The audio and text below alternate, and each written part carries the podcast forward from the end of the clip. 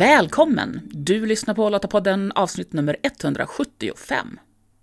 Skolornas fredspris delas ut till minne av förintelseöverlevaren Emerich Roth. Och det är en kunskapsinsats för elever och lärare med fokus på fred, demokrati och mänskliga rättigheter. Årets vinnare det är Schillerska gymnasiet i Göteborg och priset delades ut 28 september på Bokmässan. Svenska Lottakåren vi är samarbetspartner till skolornas fredspris och kommer bidra till det kunskapslyft som vinnaren och även de två finalisterna får under ett helt år. Jag som pratar heter Maria Öst och i det här avsnittet, som är inspelat direkt efter prisutdelningen på Bokmässan, så pratar jag med årets vinnare av skolornas fredspris, alltså Schillerska gymnasiet, och även fjolårets vinnare, Rålambshovskolan i Stockholms stad. Lottapodden den är producerad av Svenska Lottakåren och vi är en frivillig försvarsorganisation som engagerar och utbildar kvinnor som vill göra skillnad i vardag, kris och krig för att stärka samhällets beredskap och totalförsvaret. Så vad betyder det att bli tilldelad skolornas fredspris? Häng med in i samtalet så får du svaret på det och även hur priset kan stärka skolans demokratiuppdrag. Välkommen till alla mina gäster till Lottapodden! Vi sitter här på Bokmässan. Det är den eh, 28 september och på lärarscenen så precis har Skolornas fredspris 2023 delats ut och Lottakåren är en av samarbetspartnerna som då kommer att ge Schillerska gymnasiet eh, del utav en utbildningsinsats under det kommande året. Så vi, vi får väl i alla fall säga grattis! Tack så mycket! Tack. Kan inte ni, nu får ni presentera här, vilka har vi här ifrån vinnarna? Ja, jag heter Therese Lindblom och jag är lärare på Schillerska eh, i samhällskunskap och svenska. Eh, Jag heter Cornelis Sundlöv och är programsamordnare på Schillerska gymnasiet. Sitter i skolledning då kan man säga. Jag heter Ines Kataoka. Eh, Jag är elev på Schillerska, går sista året på samhällsvetenskapsprogrammet. Och jag heter Ola Lindé och jag är rektor på Schillerska. Och vad var det som gjorde att ni som skola ville söka det här priset överhuvudtaget? Eh, Det var ju att Schillerska gymnasiet är en anrik, eh, fin eh, gammal skola med mycket traditioner och har haft lite bilden av sig i Göteborg att vara den samhällsengagerade skolan, för att den har varit det Ja. helt enkelt. Eh, Under pandemin upplever många på skolan att det där försvann lite grann. Många av de här, vi hade väldigt många aktiva samhällsengagerade grupper på skolan och efter pandemin så var det ju nya elever på skolan som inte hade fått någon eh, överlämning och sånt. Och när vi såg vad Fredens hus har för utbildningskit att eh, kunna ge till en vinnande skola eh, så var det ju inget att tveka på kände vi. Det här var ju bara att försöka få hem och vi lyfte just hur gärna vi vill vara den skolan och behålla den stämpeln på oss helt enkelt. Ja. Och vad ska ni göra under det här året nu då, när ni får en möjlighet att få utbildning och alltså massa härliga saker? Vad, vad är planen? Ja, eh, det är ju Fredens hus som håller i mycket i trådarna eh, och vi eh, har försökt planera in det, men vi, kommer, vi håller på att bilda en eh, fokusgrupp på skolan som kommer få ett utbildningspaket ifrån Fredens hus. Eh, och i det utbildningspaketet så ingår en hågkomstresa. Eh, vi kommer också få utställningar till skolan, starka utställningar, och, eh, bland annat från er. Och vi får en, en studiedag för lärare där, om skolans demokratiuppdrag. Och vi får en teaterpjäs av Oskar Olsson. Det är hur många saker som helst helt enkelt som kommer hända under det här året på vår skola. Ja. Och det spelar ju också över, tänker jag, på undervisningen. Att man vet att alla de här sakerna kommer och man anpassar liksom undervisningen efter de här demokratifrågorna också. Så att det, vi får ju de här insatserna, men sen i ämnena så ser vi ju redan nu att det väcker engagemang och så. På vilket sätt väcker det engagemang? Men först när vi fick priset så blev ju eleverna såklart väldigt stolta och glada över det eh, och har ställt mycket frågor och så. Men Schillerska är en skola där vi diskuterar mycket aktuella samhällsfrågor och det här ger ju oss möjligheten att liksom, ta det steget vidare. Eh, ja. Och från elevhåll, vad, vad, liksom, vad har du och dina kamrater, hur har ni funderat kring priset?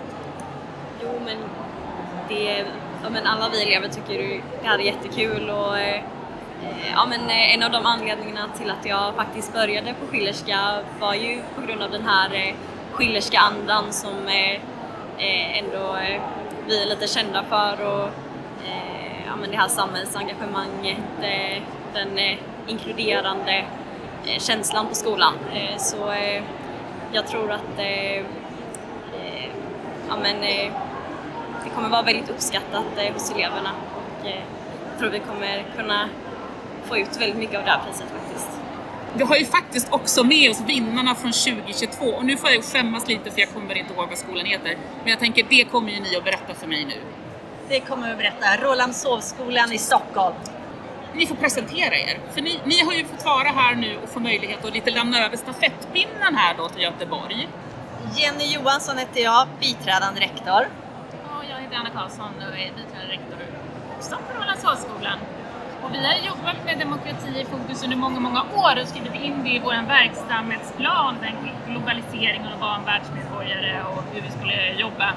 Men förra året hade vi som plan med att jobba med lära och lära av varandra som pedagoger. Vi kastade om allting och grävde ännu djupare kring demokrati och delaktighet och fredsfrågan. Och det har ju fortsatt det här året framöver, så det här är något som ni påbörjar nu som sen kommer komma följa er antagligen. För det är omvälvande och det är viktigt att skapa just det där, som du pratar om, vi-känslan och vara en del av att det är viktigt att vara en del av hela skolan och samhället. Vad är liksom tipsen här nu då till Schillerska? Vad, vad, vad ska de tänka på? Finns det några sådana där, oh, oh gör inte sådär eller? Jag tänker att de ska tänka på det Anna var inne på, just att skapa utrymme. Se över, för ni har ju säkert planerat upp ett läsår, men se över vad ni kan ta bort. Och för att nu ska ni ge utrymme till det här, för det är så fantastiska utbildningsinsatser för hela skolan. Och också det att se till att få med alla på skolan, all personal, alla elever som blir delaktiga på något sätt. Så att det inte bara blir pedagogerna utan att det också kommer övrig personal till gagn. För det är ju tillsammans vi ska göra det här arbetet. Vad har det gett er skola det här året som har varit? Ja, det är jätteotroligt mycket. Eh, det jag kan säga är att eh, personalen säger också att det de redan jobbar med idag, det här har ju fördjupat elevernas eh, kunskaper. Och vi hade ju också den där hågkomstresan då vi åkte iväg. Och de eleverna sa också att de känner sig mycket mer stärkta. Man har sett hur det kan vara på riktigt och hur det kan bli. Men att man, det är ju väldigt, väldigt viktigt att man vågar gå lite i bräschen och våga säga och stå emot när det kommer sådana här påtryckningar utifrån. Och att det här har stärkt dem. Ja, men också möjligheten och skolan kan ju ibland vara en liten bubbla eh, för sig. Men att kunna sprida det här, att det syns att vi jobbar med de här frågorna och då sprider sig och blir ringar på vattnet. Och det har varit väldigt positivt. Men var beredda på att det kommer komma nya idéer som ni måste, skolledare måste fånga upp. Så, det, så man Vad härligt. håller i. Ja. Ja. Men också möjligheten att jobba tillsammans med andra som man har här. Som ni är ju en del av det till nästa år också. Så att, eh, att man verkligen tar tillvara alla de här externa eh, insatserna också. Men om man tänker lite generellt så här då, för det här fokuserar ju på det är liksom fredsfrågan och det är skolans demokratiuppdrag. Alltså varför är de frågorna viktiga? Ja, det står ju faktiskt inskrivet att vi ska utbilda eh, våra elever och alla människor runt omkring oss. Det handlar ju inte bara om betyg i skolan och kunskap som är fakta i NO eller matte eller samhällskunskap. Utan jag tänkte att vi har ju en historia som vi driver i alla ämnen. Och alla ämnen i skolan är ju viktiga för att vi ska kunna uttrycka oss och förmedla kunskap och vara delaktiga i diskussioner. Och den här delen är ju inte något vi sätter betyg på, men det skapar ju också engagemang hos eleverna. Och för att få eleverna att lära så måste vi ha engagemang. Och tittar vi på samhället idag så känns det ju väldigt, väldigt viktigt. Och det, jag tycker mycket av de här utbildningspaketen också. Vi har vår historia men den här väver också in nutiden i det. Så att man också känner igen signaler och hur kan vi tillsammans hjälpa åt för att det inte ska bli så här igen som förintelsen. Ja, det är otroligt viktigt att värna om våra, vår, vår demokrati. Den är ju skön, så att det är otroligt viktigt att aktualisera det hela tiden. Såklart. Och det, det, det står inskrivet, men ett sånt här, en sån här vinst, det, det ger ju en extra skjuts förstås. Så att det, ska, det är en ära att ta över stafettpinnen kan man säga. Ja. Ja, jag tänker också att som lärare så är det ju så svåra frågor att hantera och genom att man kan jobba tillsammans med de här frågorna, hur ska vi förhålla oss till den gängkriminaliteten, hur ska vi prata om det i klassrummet, kan vi koppla det till historien, eh, så kan vi liksom eh, utveckla demokratiarbetet både i det lilla men också på samhällsnivå. Så att jag tänker att det är också någonting som priset kan ge och de här arbetet med demokratifrågorna. Hur, hur har ni pratat, alltså, för du nämnde ju det här just samhällsengagemanget som någonting väldigt viktigt. Va, vad är det i det som tilltalar dig? Vad är, vad är liksom samhällsengagemang för dig?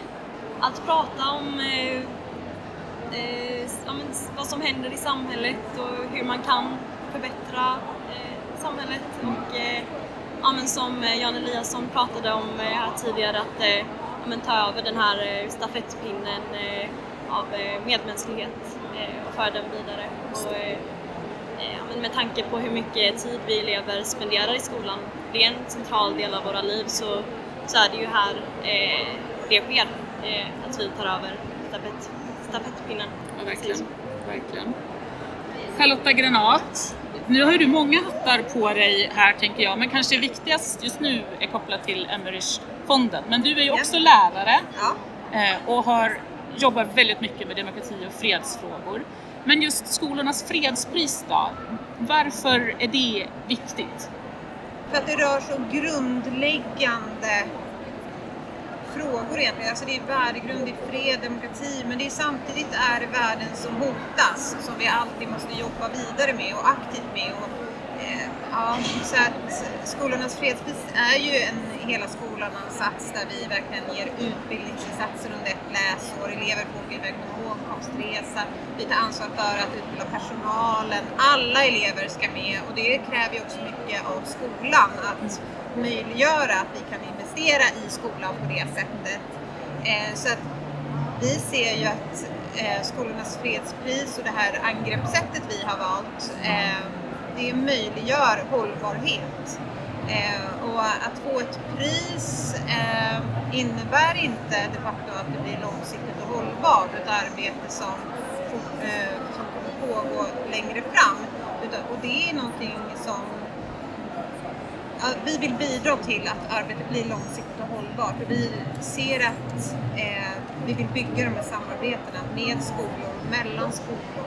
Och det finns inget pris vad jag känner till som är på det här sättet och har den här unika karaktären. Och, eh, det var ju samråd med Roth som vi tog fram alla utbildningsinsatser där han sa att alla elever ska med, alla är viktiga och, och då behöver vi jobba på det här djupgående sättet skulle jag säga och det ger resultat.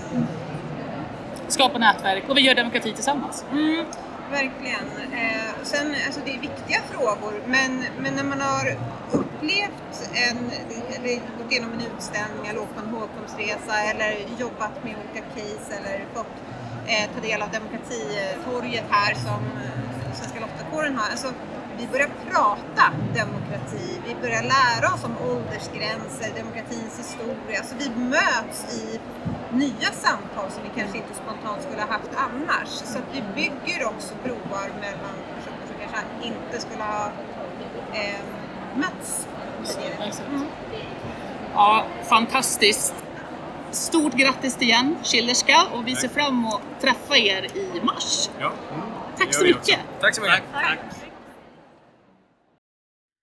När demokratin är hotad i världen och utmanas här hemma i Sverige, då är det stärkande att höra röster som arbetar för att främja den.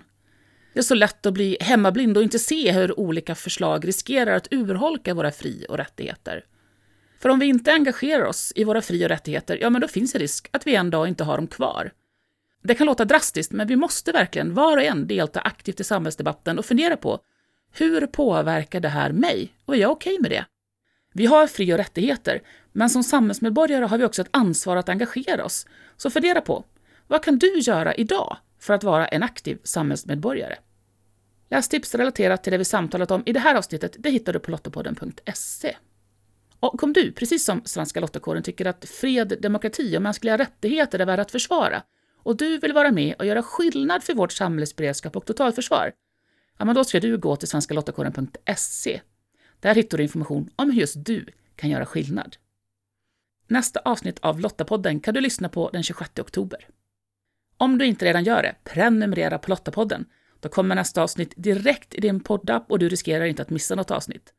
Tryck bara på prenumerera i din poddapp. Dela gärna avsnittet vidare till andra du tror är intresserade av det vi pratat om i det här avsnittet. Lämna också gärna en recension i din poddapp. På så sätt så hjälper du fler att hitta Lottapodden. Och tack för att du lyssnar. Hej så länge!